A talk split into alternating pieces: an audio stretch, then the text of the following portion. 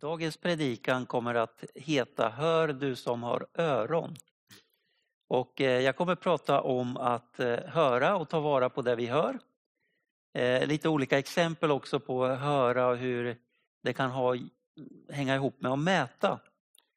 Och sen ska jag avsluta med en personlig reflektion som, som jag tycker är lite svår men som jag ska skicka med. Jesus han talade ofta i liknelser. Och liknelser de, de hjälper ju att komma ihåg själva berättelsen och, och de här bilderna de bär man med sig. Eh, man kan också kanske vilja förmedla en sanning som liksom är inbäddad i den här liknelsen. Och det viktiga är ju egentligen då att man har själva lösenordet eller koden in i själva berättelsen och förstår vad som menas med den. Annars så kan det vara så att man tolkar den fel. Eh, när Jesus till exempel berättar om en såningsman som sår säd på lite olika ställen. I, eh, en del hamnar på vägkanten, en del hamnar på steniga ställen och några bland tistlar och, och sen finns det det som också hamnar i den goda jorden. Så kan man förstå den på väldigt olika sätt. En bonde kanske skulle tolka den som att eh, jag måste se till att jag eh, kastar säden på rätt ställe så att det inte hamnar på vägen. En lärare kanske funderar kring att jag måste utbilda bönderna här så att de inte eh, sår eh, fel. Och så finns det säkert en affärsman som eh, kommer på att eh, jag kan eh, nog göra bra med pengar på att sälja ogräs medel. Men när lärjungarna efteråt är ensamma med Jesus så frågar de honom om betydelsen med den här liknelsen. Och då ger Jesus dem nyckeln in i den när han säger att sådden är Guds ord. Jesus avslutar det hela med att säga Ifrån Markus 4 och 23 läser jag nu. Hör du som har öron att höra med. Och han sa, var noga med vad ni hör. Med det mått som ni mäter med ska det mätas uppåt er. Och ännu mer ska ni få. Det viktiga är ju inte hur mycket vi hör utan det är ju snarare vad som fastnar här i mellan öronen och kanske ännu viktigare vad som åker ner i hjärtat. Men att lyssna på Jesus verkar inte vara tillräckligt. Alltså det behöver hända någonting med det eh, som vi hör. Och varför börjar Jesus i den här avslutningen här att tala om att mäta? Alltså vilket mått eh, ni mäter med. Ja, jag tror att det verkar finnas ett samband här mellan ordets hörande och det mått vi använder i hörandet. Hur mycket plats mäter du upp åt Guds ord i ditt liv? Hur mycket av orden från Jesus får bli verklighet hos dig? Jakob säger i sitt brev, Jesu bror Jakob eh, skriver i sitt brev, var ordets görare, inte bara dess hörare. Och Paulus han säger att tron kommer av predikan, alltså att höra ordet. Och predikan i kraft av Guds ord. Och när jag nu talar och predikar för dig så får du Guds ord kan man säga levererad till dig genom den här predikan. Och då skapas tro i ditt liv. Det sker, tror jag, i förhållande till det mått som du håller fram och som du liksom låter komma in och stanna där inne. Jag har en vän, en ung man som eh, eh när han blev frälst, han eh, eh, brukade gå på gudstjänsten och, och så kom det ibland en del predikanter som predikade och bad för sjuka. Och han såg att det skedde mirakler. Människor faktiskt kunde bli friska. Och han tänkte det där vill jag ha tag på. Så eh, han gick alltid fram till dem efteråt och frågade hur, hur, vad är hemligheten? Hur ska jag göra för att få tag på det där som du har? Och då brukar han alltid få samma svar. Och det var, gör dig tillgänglig. Men vad innebär det att göra sig tillgänglig egentligen? Jag skulle vilja enkelt säga att det handlar bara om att ge utrymme för Jesus i ditt liv. Vi tenderar att se på oss själva utifrån våra mänskliga mått och våra egna förutsättningar. Vi gör ofta samma fel som lärjungarna gjorde. Eh, när de var samlade hos Jesus och mängder av människor hade kommit och Jesus hade undervisat länge så börjar folk till slut bli hungriga.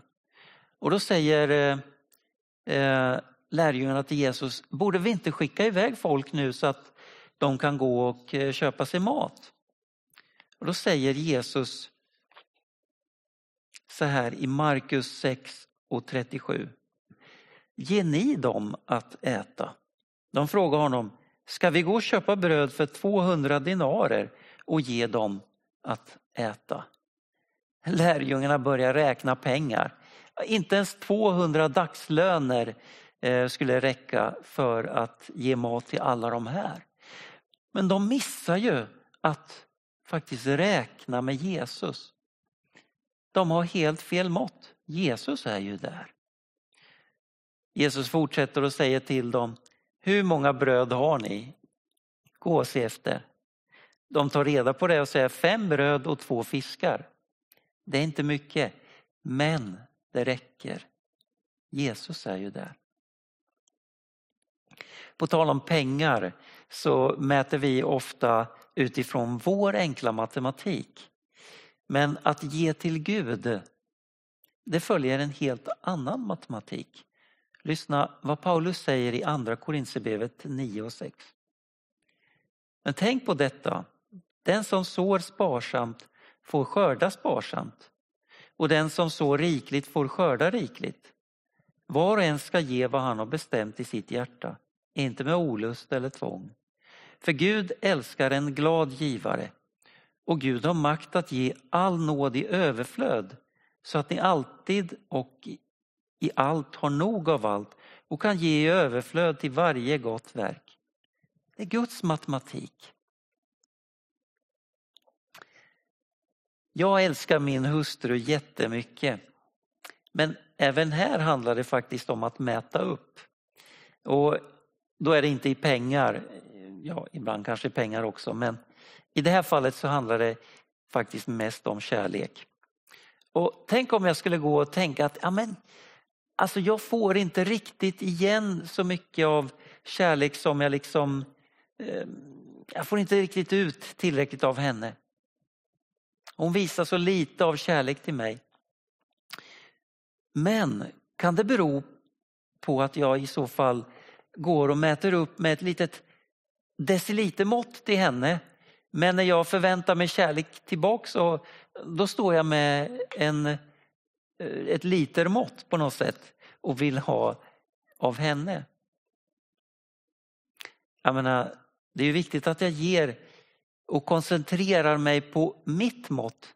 Vad ska jag ge? Jo, jag kan ju ge i överflöd till min hustru. Och eh, vad jag ger, det hänger faktiskt ihop med, på något märkligt sätt, med det vad som hon också ger till mig. Den enda som egentligen avviker ifrån den här eh, ja, med måtta, det är Gud. För Jesus han dog för oss medan vi ännu var syndare.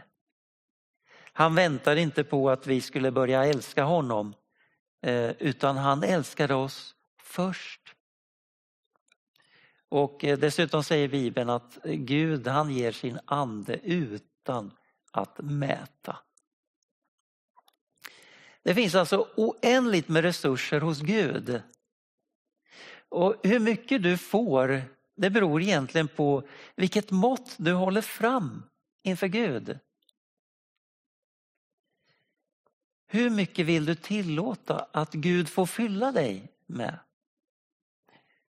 Den välkända salmen 23. I den så säger David i vers 5. Du dukar för mig ett bord i mina ovänners åsyn. Du smörjer mitt huvud med olja och låter min bägare flöda över. Håll fram din bägare.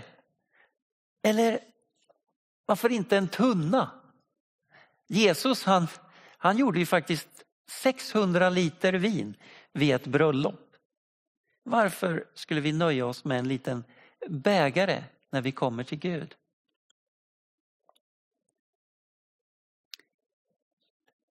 När Jesus kom till sin hemstad Nasaret då eh, kan vi läsa en ganska sorglig historia i Bibeln.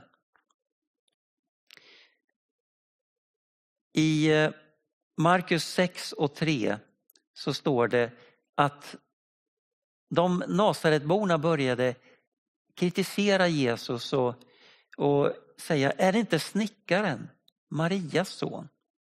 Och så mäter de Jesus utifrån den som han hade varit kan man säga när han, när han växte upp i deras lilla Nasaret. Och det slutar med en sån tragisk vers, vers 5. Där det står, han kunde inte göra någon kraftgärning där.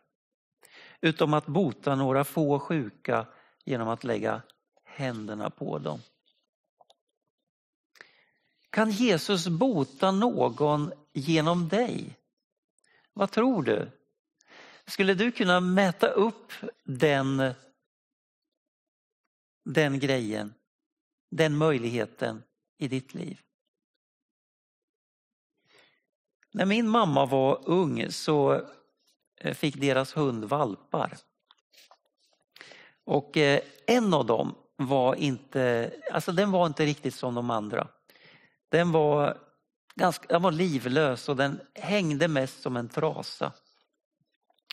Och eh, min mormor hon försökte få liv i den där på olika sätt.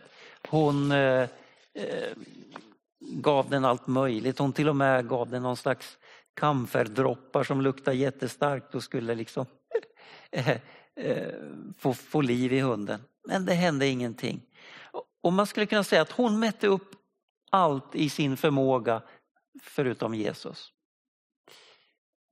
Så när min mamma var ensam med hunden en gång så tänkte hon, jag ska be för valpen. Och hon tog den i sitt knä och den hängde som en trasa, verkligen, över knäna.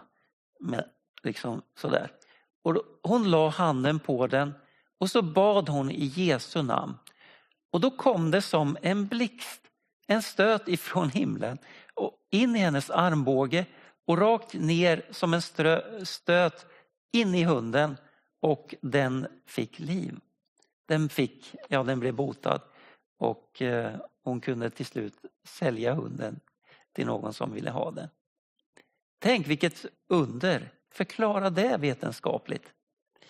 Min mamma hon mätte egentligen upp en liten öppning åt Gud genom att i tro lägga sin hand på hunden och be för den. Hör, du som har öron att höra med.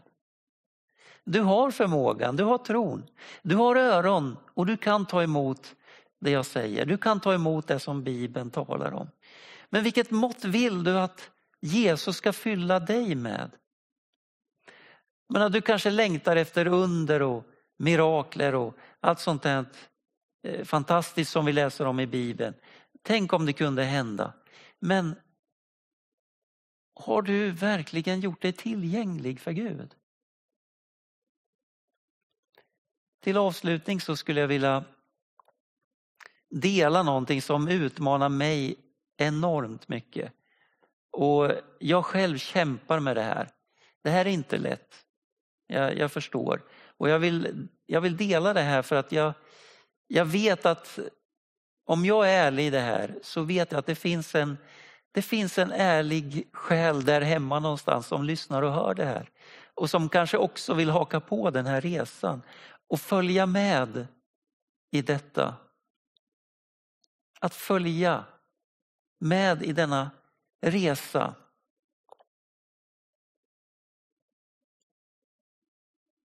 Tänk om vi kunde göra oss lite mer tillgängliga för Gud. Mäta ut ett område av, av bön och gemenskap med Jesus som han kan få fylla. Jag har hört att krukmakare som bereder lera från grunden, de börjar med att plocka fram materialet och så fördelar man det här i vatten och, och så låter man det få vila för att eh, leran ska liksom sjunka ner. Och, och på, då, på det sättet så separeras liksom gruset i leran. Man plockar upp det och så känner man med händerna och plockar bort det som är småsten och, och sådär.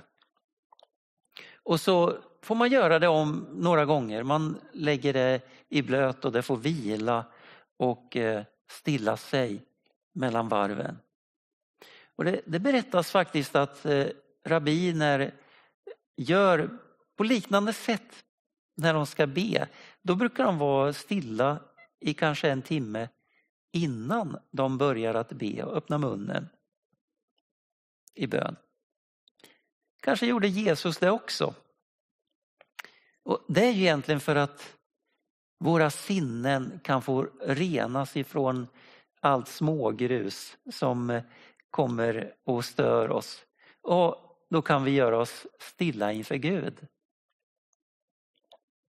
Det finns en sång som är skriven av Linnea Hofgren Eh, som heter En ton från himlen. Och Den går så här. Hur ljuvligt att få vara en ton från himlen. Ifrån Guds eget väsen, den rena kärleken. Här nere till vårt öra så många missljud når. När jag vill be, då upplever jag många gånger att det finns så många störande missljud. Så mycket grus i maskineriet och som gärna vill att jag ska göra massa annat. När jag tänker att nu ska jag be en stund så tänker jag, just det, hur var det? Och så går handen nästan liksom automatiskt ner till mobiltelefonen för att jag ska plocka fram den och kolla på något. Jag vet inte vad. Eller ah, jag kanske borde titta på det där klippet på Youtube eller det där som jag har tänkt. Eller så kommer fjärrkontrollen liksom fram och jag sätter på tvn. Eh, det är egentligen missljud. Grus i leran som kanske behöver bara stillas av och, och få filtreras bort. Dagens människor, vi, vi står inte ut med att eh, vara stilla. Jag menar, att våra egna tankar liksom får eh, gå i våra huvuden. Vi kan inte ha tråkigt. Vi fyller varje tomrum med intryck och, och gör så att allting är verkligen fyllt. Tystnaden är, är farlig. Vi längtar efter mirakler och att Gud ska få göra saker i våra liv och runt omkring oss. Men, men vi håller egentligen inte fram någonting för Gud att, att fylla. Jag skulle vilja utmana dig. Jag vill utmana dig och jag vill utmana mig själv i den här predikan. Att faktiskt stilla ner dig, ta lite framöver, ta tid i bön. Stilla dig tills det kanske bara är så att klockan som tickar på köksväggen eller fåglarna som kvittnar eller till slut kanske bara din egen andning är det enda som stör. Och att Gud i den tystnaden, i den bönen kan få möta dig och kan få fylla dig med det han önskar och längtar. I den här sången som Linnea Hofgren har skrivit så sjunger man att hela människan kan få bli en lovsång utan ord. Och i vers 3 så säger, säger hon så här, men för att därtill komma, man måste bliva tom. Det måste bringas tystnad i hjärtats helgedom. Hela du kan få bli en lovsång utan ord. Frågan är, ska vi mäta upp ett sånt utrymme åt Gud? Ska vi mäta upp Ska vi mäta upp så här mycket eller så här mycket? Eller kanske, ja, kanske så mycket som det bara går. Hela mig. Varför inte hela mig? Så att Gud får fylla så mycket det bara går. Jag tror jag har utmanat dig i den här predikan. Jag tror jag har eh, talat till dig. För i mitt eget hjärta så känner jag ett behov av, av att få omvända mig och komma inför Herren. Söka honom i bön och låta honom få fylla, fylla mig. Jag tror att du också vill följa med på den resan. Hör, du som har öron att höra med. Låt det som du hört, låt det få landa i ditt hjärta idag. Gud välsigne dig. Herre Jesus, tack att vi får eh, fyllas av det goda ifrån dig. Jag ber att du ska uppmuntra och hjälpa oss på den här resan och vandringen tillsammans. Kanske för första gången börja vandringen eller för den som har känt att det är många missljud. Att få stilla ner sig och börja att lyssna på vad du har att säga.